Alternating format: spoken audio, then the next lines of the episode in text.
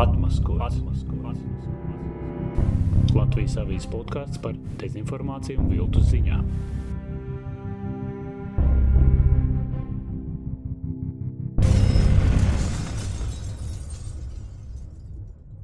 Atmaskots 26. epizode, te Latvijas avīzes žurnālisti Mārcis Antonevičs un Raisa Šveicars. Sveiks! Sveiki! Eh, Cits karš, tā es esmu pieteicis šo raidījumu, lai gan kiberkarš, par ko mēs šodien runāsim, kas, ko varētu uzskatīt arī par vienu no sastāvdaļām hibrīda karam. Es jau divi kari, ko es pieminu. Bet patiesībā mm, šis karš, kas norisinās interneta vidē, ir diezgan cieši saistīts ar īsto karu un nereti pat var būt tā sastāvdaļa. Raivis nu pat Latvijas avīzē publicējis plašu izpētes rakstu par šo tēmu, un viens no secinājumiem ir, ka kopš pagājušā gada 24. februāra, kad sākās Krievijas pilna mēroga iebrukums Ukrainā, kiberuzbrukumu skaits gan kopumā Eiropā, gan jo īpaši Latvijā ir krietni palielinājies. Tā ir, jā. Jā, redzami, ka austrumu, austrumu mūsu agresīvais kaimiņš uh, kopā ar uzbrukumu Ukrainai uzbruk arī, uzbruk arī Latvijai, Igaunijai, Lietuvai un pārējām tuvumā viņai esošajām valstīm un arī mazliet tālākām valstīm Eiropā. Un es saprotu, ka Latvija arī ir salīdzinoši diezgan bieži mērķis, ja paskatās vispār šo uzbrukumu daudzumu. Tad tur bija minējis arī kaut kādu statistiku. Jā, sanāk, ka Latvija kopš šī februāra ir otrajā vietā aiz Polijas. Kādiem iemeslu dēļ Polija ir līdere. Nu, bet, Polija ir galvenais Ukraiņas atbalstītājs. Ja mēs skatāmies šī kara kontekstā, tad Polija ir galvenā, kas atbalsta politiski, galvenā, kas atbalsta palīdzību, militāro palīdzību, un kas faktiski arī visus pārējos mudina kaut ko darīt vairāk. Un Baltijas valsts, protams, arī to aktīvi dara. Bet kāpēc Latvija teiksim, priekšā Lietuvai, piemēram, tas ir interesants jautājums. Tas ir interesanti, jo jā, divreiz vairāk sanāk tie jaunie uzbrukumi, divreiz vairāk Latvijā nekā Igaunijā un Lietuvā. Cim redzot, Iespējams, viņi redz kādus uh, lielākus apdraudējumus Latvijā, vai iespējams, viņi redz, ka iesp vieglāk ir ietekmēt uh, iedzīvotājus un, un, un institūcijas Latvijā. Grūti pateikt, bet uh, jā, uz to noteikti ir uh, jāvērš uzmanība mūsu drošības iestādēm. Es gribētu iesākt ar vienu paziņojumu, kas internetā parādījās pagājušā gada maijā. Un tas iesākas ar kaut kur tālu, tā kā fonā skanošu padomu laika dziesmu. Saucas šī dziesma Šišenēja vai nā, svētais karš. Teksts, oriģināla valoda, iespējams, tie, kas dzīvojuši padomu laikos, atceras, jo šī dziesma bieži tika skandināta kaut kāds, kaut kāds, kaut kāds 9. maijā un, un tam līdzīgi. Un, Un, un tas teksta tulkojums ir celies milzīgā valsts uz nāvējošo cīņu, notiek tautas karš, svētais karš. Mēs varam paklausīties, kā ar šo dziesmas pavadībā savu karu piesaka hakeri.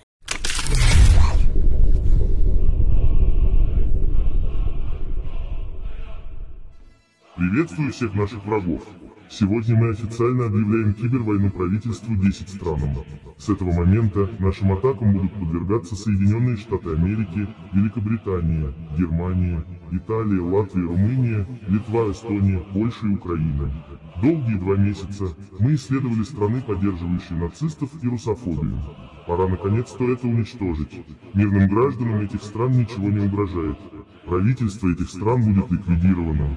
Всем уже пора давно освоить наши принципы борьбы. Тестирование глобальной атаки завершено. Все хакерские группировки, которые идут против нас, официально идите на хуй. Российский киберспецназ «Легион» совместно с Килнет придет за вами на рассвете.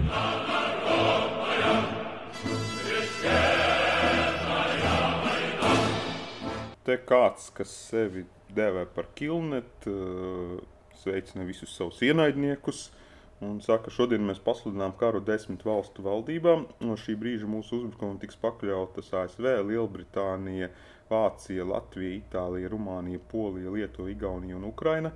Mēs divus mēnešus izsekojām, kuras valstis atbalsta nacistus un rusofobus. Tas ir laiks iznīcināt šo valstu mierīgajiem pilsoņiem. Nekas nedraud, bet šo valstu valdības tiks likvidētas. Globālā uz, uzbrukuma testēšana ir beigusies. Krievijas kiberspēcnas kopā ar Kilneku nāk pēc jums. Laikam jāsāk vispirms, kas ir Kilnet. Nu, es tikai gribēju vēl par šo stilu, kāds tas izskatās. Tur ir kaut kāds iedomu hakeris kapucē, kur mēs mēdījos parasti arī vizualizē, vizualizējam šo tēlu, nu, kas, kā, kā varētu izskatīties hakeris. Laikam, lai gan īstie hakeri ticamāk izskatās pavisam savādāk, viņiem nav nekādas, nekāda sakara ar šo, šo mūsu iedomu tēlu, bet nu, tā tas ir pieņemts un, un acīm redzot, arī hakeriem patīk. pasniegt sevi, vai vismaz tiem, kas sevi dēvē par hakeriem, patīk pasniegt, ka viņi tā arī, tā arī sevi piesaka. Tātad pārveidota balss obligāti, tumšs fons. Kas vispār ir šis skillnet? Jāsāk ar to. Nu, Kilnet uh, ir viena no šiem pasaulē daudzajām uh, kiberhakeru grupām. Krievijā bāzēta, kā, kā viņi arī neslēpj, kas par maksu veids dažādus pasūtījumus, uzbrukumus, un ne tikai uzbrukumus.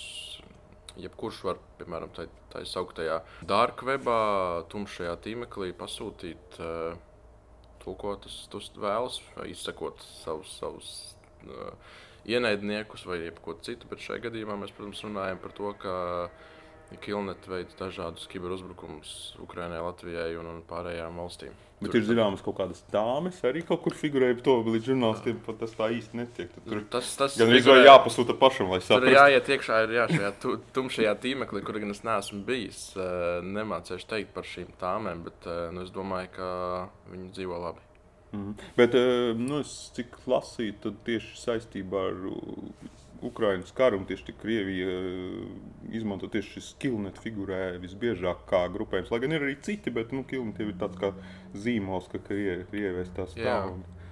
Acīm redzot, es, uh, iespējams, ka viņiem ir kāda saistība varbūt ar kādiem uh, Krievijas, Krievijas šiem drošības dienestiem. Uh, ja jau tik bieži izskan tas, ka, ja ir kāds uzbrukums, tad uh, lielākoties Kilnetais tā stāv. Nu, tas ir arī kā zīmols, jo viņi jau tur Jā. var, tie hakeri var pārvietoties. Zem kādiem nosaukumiem gribi viņi var mainīt dienā desmit reizes. un Būt vienlaikus gan kilnis, gan, gan daudz citu. Mēs vēlāk varbūt vēl dažus citus pieminēsim, kas agrāk bija slavenākas pirms šī kilnet. Es vēl tomēr gribēju, jā, par šo stilu. Es tā skatījos to video rullī, domāju, nu, kur tas kaut kur redzēts. Nu, labi, viss, viss kā pieņems, bet nu, tieši ka kaut kur, kaut kur tāda precīzi liekas, ka kaut kāda kopija. Un tad, jā, pirmais uzreiz pēc, pēc, pāris, pēc pāris minūtēm sitiens. Jā, nu, tas taču ir anonīms. Nu, tas ir pasaulē laikam slavenākais hakeru grupējums. Jā, neapšaubām. Jā. Uh, Kur, kur, kur, kur, kuram ir diezgan ilgstoša vēsture, bet kāpēc šo varētu uztvert kā arī kaut kādu Krievijas atbildi? Nu, mazliet pēc parodijas, jo karam sākoties februārī, Anonīms bija pasteigušies, paziņot, ka viņi arī no savas puses nevar palikt malā un viņi iesaistās un viņiem ir īpašs veltījums uh, Vladimiram Putinam. This is a message to Vladimir Putin from Anonymous. Mr. Putin. The ongoing invasion of Ukraine has shown that your regime has no respect for human rights or the self determination of your neighbors. Members of Anonymous have declared cyber war against your aggressive regime. Nu, tur bija teksts, ka šī ir ziņa Vladimiram Putinam no Anonīmas. Putina kungs iebrukums Ukrainā rāda, ka jums nav cīņas pret cilvēktiesībām un ka kaimiņu valstu pašnoteikšanos mēs piesakām karu jūsu agresīvajam režīmam. Es nezinu, cik aktīvs ir bijis šis karš no pretējās puses, jo nu, Krievija īpaši neizplata stāstus par to, cik kiberuzbrukums viņi piedzīvojuši. Bet nu, iespējams, ka tur ir arī līdzīga statistika, varbūt pat iespaidīgāka. To mēs laikam neuzzināsim. Iespējams, jā, bet eh, nav gan eh, kopš šī pirmā man šķiet eh, paziņojuma, kad Anonīms nāca klajā, ka viņi veic šos uzbrukumus Krievijas institūcijām. Nav gan īsti no viņiem pašiem nav dzirdēts, ka viņi vēl kādu tādu apjomīgāku uzbrukumu, uzbrukumu būtu veikuši. Lielījušies viņi nav. Jā, bet nu, jā, kā ar darbību jau var izpausties dažādi. Tā var izpausties gan uzbrukums, eh, un, un lielīšanās ar, ar spalvām, kas varbūt nav tik košas, kā gribas pasniegt. Jā. Var arī tas izpausties kā vienkārši kaut kāda informācijas ieguve un, un nodošana tālāk, piemēram, Ukraiņiem vai, vai, nu, vai citiem, lai, lai, lai atvieglotu viņiem uzdevumus. Attiecīgi. Tur var būt. Bet vai mēs varam salīdzināt anonīmus un kilnetu? Uh, Salīdzināt vienmēr var. uh, Abas tās ir hackeri grupas. Kilnet uh, vienmēr veids uh, uzbrukumus. Anonīms, uh, un tur nav nozīmes, ka Kilnet viņu uzbruk institūcijām vai iedzīvotājiem. Anonīms parasti viņi sevi pozicionē kā taisnības cīnītājus, kurus, kuri parasti neveic uzbrukumus tā, lai ietekmētu mierīgos iedzīvotājus. Parasti vērsti pret uh, institūcijām vai valdībām. Bet, nu, tādā, tādā Ja, nu, mēs jau dzirdējām, ka Kilnet jau arī sākumā stāstīja, ka mierīgi iedzīvotāji necietīs, un val, valdības tiks iznīcinātas. Tas, protams, bija smieklīgi, ka mēs iznīcināsim kaut kādu spēļu spēlētāju, iznīcinās citu valstu valdības. Nu, nu, protams, bet nu, laikam attiecīgai auditorijai tas vairāk bija domāts. Protams, tur, nu, tas video bija veidots jā, pēc labākajiem propagandas un 40. gada kaut kādiem narratīviem.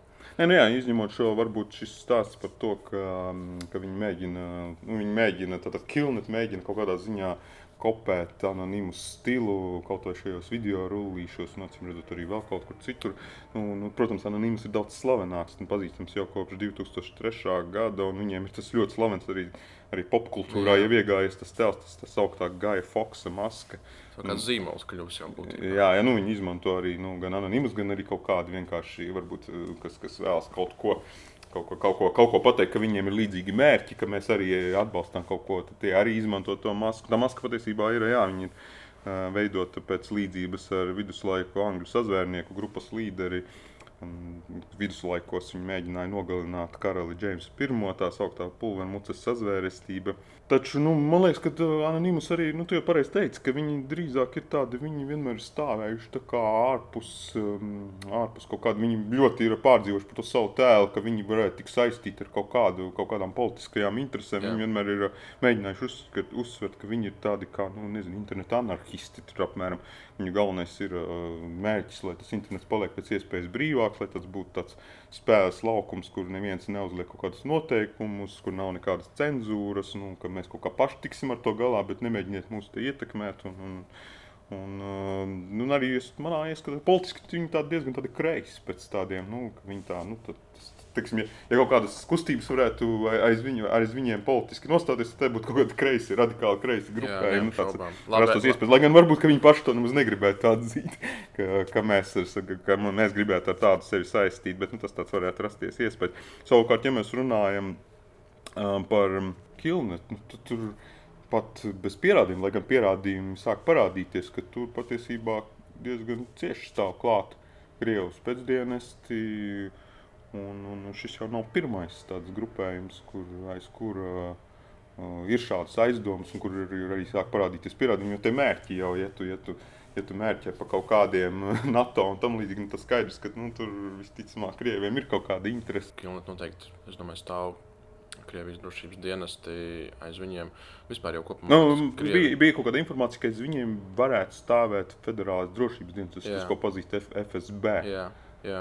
Kas, kas arī, kā mēs saprotam, bija sākumā tā pirma, pirmajā posmā, bija uzticēts, ka tā operācija, specioperācija viņi faktiski vada Ukrajinā. Jo nu, viņi jau nebija plānojuši, ka tur ilgs karš būs, jā, FS, jā, FSB tiks galā. Tad nu, šī daļa arī notiek cits karš šajā interneta frontē, bet iepriekš ir bijuši tur arī citi grupējumi. Nu, FSB pašam ir arī iekšienē. Viņiem ir tāds centrs 16, zinu, ka amerikāņi visi sludinājuši tur. Uh, viņu darbinieki, FSB darbinieki, tur ir virsnieki, kas, kas nodarbojas ar šīm lietām. Un, un viņi visi sludinājuši meklēšanā. Un, uh, Nu, es saprotu, ka tagad tas apjoms ir krietni palielinājies, jo tu saproti, pētīji, ka viņi tur ir gandrīz vai kampaņu veiduši, lai nāciet pie mums iesaistīties. Nu, jā, nu, vēsturiski skatoties, šo, šie krievu hakeri vienmēr ir bijuši, vienmēr ir bijuši bijuši ļoti aktīvi. Bet, nu, protams, eh, karam sākoties, jā, bija dažādos šajās mm, telegramu vietnēs un, un citos sociālos tīklos bija uzsaukumi arī vienkārši mierīgiem iedzīvotājiem, ka ir izveidota lietotne, jālejuplādē.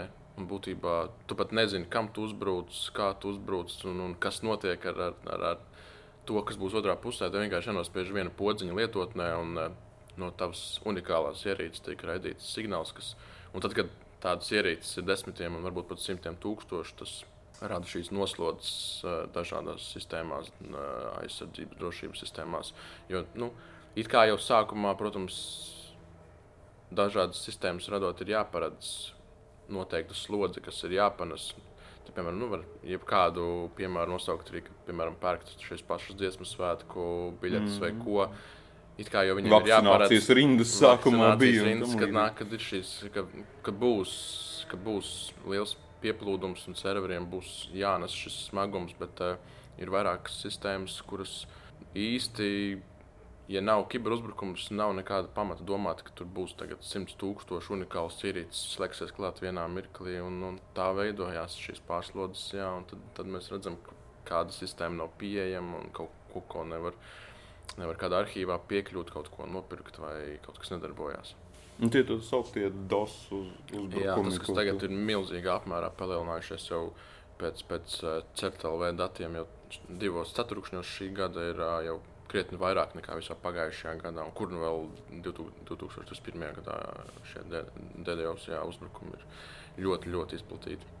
Bet saprotu, ka tie ir tādi gandrīz vai maz, ma, neietekmīgākie, mazskaitīgākie, vieglāk novēršamie un tam līdzīgi. Tas rada vienkārši īslaicīgi, varbūt kaut kādas nērtības. Un tie ir arī jā, lēti, vienkārši, kā arī Gins Malkalnieks no CRT, kiberdrošības eksperts teica, uh, nu jā, diezgan viegli organizējami, bet uh, sākumā, protams, uh, kad, uh, jo tas bija iepriekš, pirms kara, tas bija ļoti neizplatīts uzbrukuma veids. Pēc tam uh, Kādu... Tu tur bija savā rakstā pieminējis, ka tu parasti nodarbojies kaut kādiem skolniekiem, kas gribēja ieriept saviem kaut kādiem klases biedriem.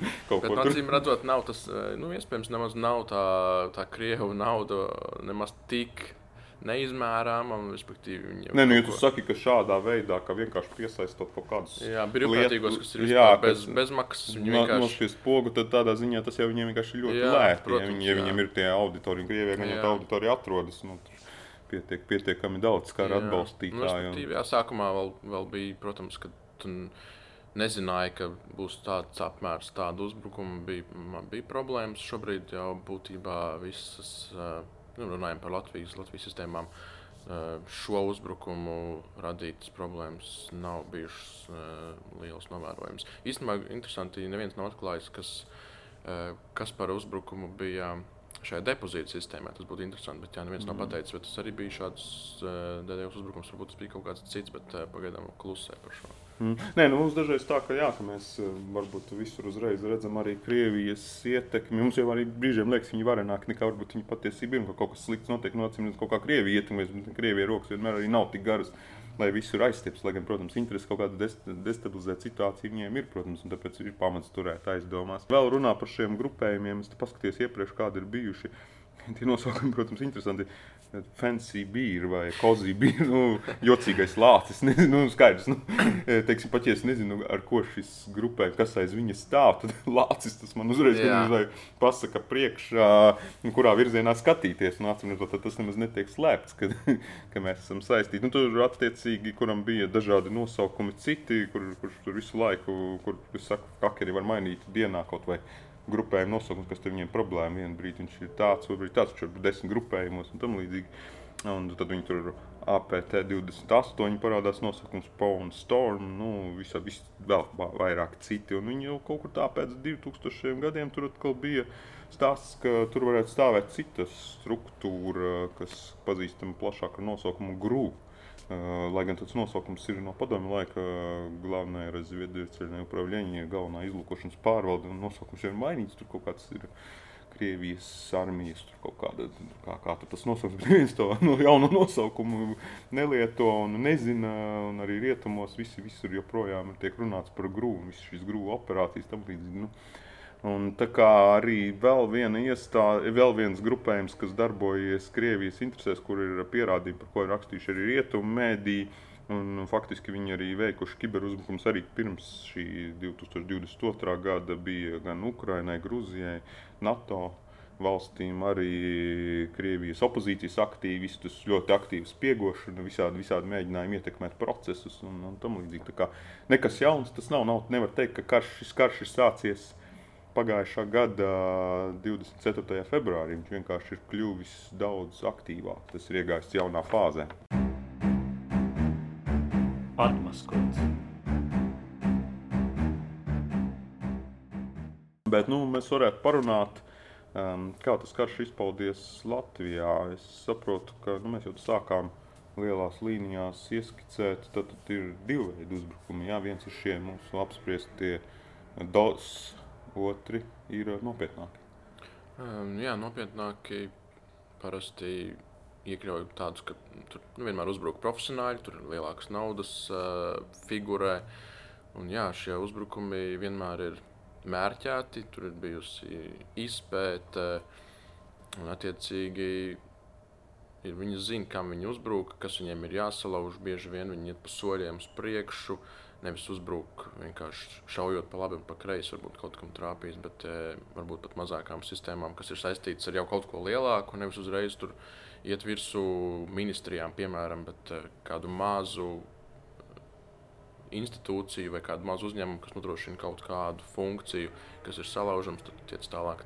Nu, tur, respektīvi, tur ir izpēta, kamēr šie, šie brīvprātīgie uzbrukumi jā, tiek diezgan viegli atvērīti. Bet no otras puses, jā, šie arī dārgie un, un nopietni uzbrukumi nu, nav, nav, nav bieži novērojami. Kā arī CERTLV teica, nav tādas nopietnas uzbrukumi, nav, nav bijuši diezgan ilgi. Es saprotu no tās tabulas, kas bija pie tava raksta, kur bija tas izcelts tie nopietnākie tie nacionālās drošības līmeņa uzbrukumi, ka tādi pēdējos trīs gados tomēr nulle visur Jā. figurē. Bet nu, tādi jau, jau nākamā līmeņa Jā. bija pēdējos gados. Tur ir Vai ir zināms, kam jā. arī bijuši šie uzbrukumi tieši, ja to neatklājat? Uh, īsti neatklāja, gan pāris desmit tādi ir bijuši. Es pieļauju, ka tur var būt arī uzņē, uzņēmumi, ja, uh, ja, ja tiek uzbrukts uh, sistēmai, kas s- nu, strādā tā, lai nodrošinātu kādu nopietnu pieļauju, ka tur varētu būt ne tikai institūti, bet arī uzņēmumi iekšā. Uh, bet, bet, jā, ir bijuši uzbrukumi pasažieru vilcienam, minētam jau, jau šai mājokļu vidas departamentam. Es pieļauju, ka tie visi varētu būt šie, šie, šie nopietnie arī daļai uzbrukumi, mm. jo tomēr tā ir sistēma. Nu, pasažieru kas- vilcienam tas varētu būt tas, ko izjūta uh, uz savas ādas, kā nērtības. Jā. Izjūta daudzi Latvijas iedzīvotāji. Jā, jā. Ja viņi vienkārši teiksim, Nav nevarēja iespējams internetā nopirkt biļetes. Visticamāk, varbūt tajā brīdī viņi pat nezināja, ka tas ir uzbrukums. Viņi vienkārši dusmojās, ka atkal tā lapa neiet, ko Jā, viņi jā, tur jā. dara. un tam līdzīgi. Nu, dažreiz, dažreiz tā nav neizdarība, kā mums pieņems visu. Ka viss, ka mums bieži ir kaut kāda neizdarība, kaut kāda sistēmas problēmas, bet dažreiz tas ir tā ļaunprātība. Jā, tad, tas var būt arī kaut kāda kara daļa, ko mēs varbūt pirmajā brīdī nepadomājam. Jā, vai, piemēram, lidostām jau uzbrukt, tas ir ļoti nopietni. Tas tomēr aptur, ir, ir potenciāli apturēt uh, lidojumus un pārvietošanos. Radās tik daudz dažādu ne, ne, problēmu un, un, un jā, daudz, daudz institūciju un uzņēmumu, kurus var ietekmēt. Bet, kā jau arī minēju, diezgan labi šobrīd tiek galā. Gan uzņēmumi paši ar savām sistēmām, gan, gan ar valsts institūcijām ir daudz izveidotas aizsardzības sistēmas. Viens no ekspertiem, kuru tu arī intervēji savā tapšanā, bija CERTLV kiberdrošības eksperts Gins Malkalnietis. Es atradu vienu citu video CERTLV YouTube kontā, kur viņš tā plaši stāsta par savu un savu kolēģu pieredzi kibrītkarā pērn, tātad 2022. gadā. Un viņš piemin vienu interesantu piemēru, kas parādījās arī tavā rakstā. sākās arī uzbrucēju pusē ar tādu nelielu, varētu teikt, bardaku, ja, kad viņi uzbruka visiem pēc kārtas. Teiksim, labajā pusē e, ir tas, ko viņi nosaukuši par MVD, jeb šo e, Latvijas iekšlietu ministriju. Nu, īsti, pirmkārt, Latvijas iekšlietu ministrija neizmanto šādu domēnu un nekad nav izmantojusi. Ja, un, e, nu, vietne, kas tika paskaļauta šādam uzbrukumam, bija nu, e, absolūti apolitiska, saistīta ar apsaimniekošanu Rīgas pilsētā. Un, nu, tādi ir šie uzbrucēji, kas nu, ne pārāk iedziļinās, pie kā viņi ir atnākuši, kam viņi ir uzbrukuši. Ja, nu, bet, nu, teiksim, tā, cilvēkiem, kas lieto šīs vietnes, arī nu, viņas eh, nepieejamība, protams, var sagādāt nu, gana daudz ne, nērtības. Tā tad MVD, eh, MVD mājokļu un vidas departaments Rīgā. nu, es nezinu, cik mēs bieži lietojam, gan jau kā, kāds kaut ko izmanto, kaut kāds pakalpojums. Bet krievu hakeri, esam redzot, uzskata, ka Latvijā gan jau iestāžu nosaukumi tiek veidoti uz krievu valodas bāzes. Nu jā, nu redz, mums te ir krievu valoda izplatīta, mums te gandrīz vai viņi uzskata, ka te visam jābūt krieviski, kā var nebūt. Nu, acīm redzot, kaut kādā iedoma, ka arī, ka arī šie iestāžu nosaukumi krieviski, un tad, tad ir mājaslapas visticamāk būs krieviski. Nu, tas tāds, um, parāda varbūt šo, arī šo impērisko domāšanu. Savā ziņā patiesībā atklāja arī tādu kā neizglītotību hakeri. Ja varbūt viņi tehniski kaut ko saprot, bet citādā ziņā viņi var būt diezgan tādi aprobežoti. Nu, jā, tā izpēta šajos lētajos uzbrukumos eh, ļoti maza. Turklāt, eh, dažreiz, nu, pat, eh, ja viņi uzbruk tam MVD, viņiem jau pat dažreiz ir vienalga. Viņi ir trāpījuši tam mājokļu vidas departamentam. Mm Mhm. -hmm. Viņi Tiešām, Domā, kam- domājot, ka tā ir viņas ķersta, nu, tie ir dzelkrieviski. Jā, vai Latvijas varbūt- iekšlietu ministrija, kam pavisam. Varbūt tiešām viņi trāpa tur iekšlietu ministrijai, bet viņiem, kurā gadījumā tie cilvēki, jau, kam viņi to pēc tam to izplatīja informāciju, ka redz uzbrukums ir bijis sekmīgs, viņi jau nepārbauda. Viņiem tikai galvenais paspodrināt tās savas palmas. tad tas ir PR, propaganda. Tā, tā, jā, bieži vien tā ir vienkārši propaganda. Un, un, un jā, šis eh, PR gājiens, ka redz, notiek, mēs viņiem dodam pretī. Mums ir iz, izdevies uzbrukumi. Jā, un mēs raud. pārspējam. Tur un un- tur viņiem- izmisumā. Jā, noteikti nevar izmaksāt pensijas, pensionāriem algas nevar izmaksāt. Noteikti tur nav, nevar, nav pārtika. Un es domāju, ka tā viss tur notiek. Tad jautājums ir, kāpēc vispār jāiegulda kaut kādos uzbrukumos? Līdzekļi jau var ieguldīt propagandā. Tu vienkārši vari stāstīt, ka tu katru dienu kaut kur uzbruc, nezinu, tur viena pēc otras saukt, Jā, ko es jā, esmu jā. sagrāvis, ko es esmu iznīcinājis, un Tas patiesībā neko Tas nedarīju. pat ir ļoti labi, lab, lab, labs punkts. Jā. Un, bet īstenībā jau tā jau arī tā, nu, ko mēs redzam arī televīzijā, tā krīvas propaganda. Tad jau ir pilnīgi, nu, nu murgu izdomā, kas ir vispār nepatiesība. Mm. Un, nu, vienkārši tu pasaki tajā ēterā, un cilvēki uzreiz tam notic. Tā jau tas arī ir. Tas neko nemaksā. Pasaki ēterā, un viss, viss aiziet. Un saprotu, tur vēl bija, protams, mēs par kurioziem runājam. Šis bija viens tāds, varbūt, interesantākais kuriozs, bet tur jau bija, es saprotu, tavā rakstā pieminēts arī, piemēram, stāsts par uzloto valsts prezidenta Jā, lapu. jā. Nu, vienkārši jā, viņi, uz, viņi iegājuši mā, valsts kanclers mājaslapā, iegājuši publiski pieejamās arhīvā vietnē, paņēmuši kādus publiskos iepirkumus, kas visiem pieejami. Savai auditorijai pateikuši vienkārši, ka viņi ir nozaguši viņus, paņēmuši, izplatījuši tagad visiem. Eh, Visiem, visiem tīmeklī esošajiem, lūk, redziet, kāda, kāda ir iepirkuma valsts prezidentam. Kaut jebkurš Latvijas iedzīvotājs, ieejot mājaslapā, valsts kanclers var to redzēt. Tā, nu, tā, tā, tā viņi strādā. Šis ir atmaskots. Laižam tālāk. Par nopietnākajiem uzbrukumiem mēs jau tā kā runājām, ka nu, tā kā pagaidām nekas tāds ļoti nopietns nav bijis. Nu, tad, tad ir kaut kādas nērtības, pasažieru vilciens, eh, ko vēl par to var teikt kopumā. Nu, varbūt kādam, kādiem mazākiem uzņēmumiem, kas tomēr eh, saskārušies ar to, kas, kam tas radīja kaut kādas problēmas. Īsti CERT LV eksperts Gins Makalnēts neteica par tādiem mazākiem, mazākiem uzbrukumiem. Viņš minēja, ka, bet, nu, minēja, ka, ka ir jāuzmanās šiem mazākiem, bieži vien pat vairāk kā lielajiem. Jā, nu, kā jau minēju, viņi izmanto šos mazos kā, kā solīti, uh, lai tiktu klāt šiem, šiem, uh, šiem lielajiem. Un, un, diemžēl viņu pieredze rāda, ka šie mazie bieži vien nedomā par šīm, par šīm aizsardzībām. Tādā veidā varbūt iekonomējot kādu naudu. Bet no otras puses, eh, viņš ir Nē, nu, viņi domā, viņi laikam izpratne tāda. Nu, mēs nepiedalāmies nekādā karā. Mēs Jā. neesam saistīti ar valdību. Nu, kam mēs varētu interesēt krievu hakeriem? Tieši tā, jā, bet- to sakars, bet kāpēc viņiem tomēr būtu jāpievērš uzmanība? Nu, jā, nu, respektīvi, varbūt viņš, eh, ja tas ir kāds, piemēram, programmēšanas uzņēmums, iespējams, viņš kādu kodu raksta vai kaut ko eh, kādam no uzņēmumiem, eh, privātu uzņēmumiem, kas varbūt ir valsts kapitāla sabiedrība vai varbūt saistīts ar, ar, ar kādu pakalpojumu, ko, ko izmanto valsts institūcijas, un, respektīvi, uzlaužot šo mazo uzņēmumu, ir iespējams pa kaut kādiem ceļiem piekļūt jau, jau, lielām institūcijām, viņu sistēmām, kur varbūt ir kādas ievainojamības, kas nav pamanītas. Jā, tāpēc, tāpēc ir, arī mazajiem ir jādomā kaut vai uz laiku nopirkt ārpakalpojumā kādus šādus aizsardzības pakalpojumus. Latvijas valsts radio un televīzijas centrs institūcijām, valsts institūcijām piedāvā dažādas aizsardzības Bet arī privātajiem. Arī privātiem uh, TET uh, ir milzīgi šie resursi, gan serveri jaudas, gan dažādas aizsardzības sistēmas. Arī viņi uzkrāja datus, cik daudz ir uh, viņu klientiem, uh, nu, kāda bija uzbrukuma, cik daudz tur ir novērsti. Mums šai, šīs, šī mums ir diezgan labi attīstīta. Protams, nu, valsts, valsts vēl aizsardzības ministrijā uh, aizsargā savas, savas institūcijas atsevišķi. Jā, tā kā, tā kā ir pie tā jāstrādā. Noteikti nedrīkst, uh, nedrīkst uh, uzbūvēt sistēmu un, un pēc tam domāt par aizsardzību, vērsties pie kāda, redz, nu, notestējiet, vai mums nevar uzlauzt. Tā, tā tas nenotiek. Man šķiet, vispirms jādomā par aizsardzību, un pēc tam var pārējo būvēt apkārt uh, šim, šim, šim uh, svarīgajam elementam. Nu, jā, kaut kādā mājas būvniecības procesā arī ja kaut kādu, kaut kādu svarīgu lietu ņem vērā, neņem vērā, tad vēlāk tu to daudz grūtāk iebūvēt nekā tad, ja tu to esi paredzējis projektā. Jau.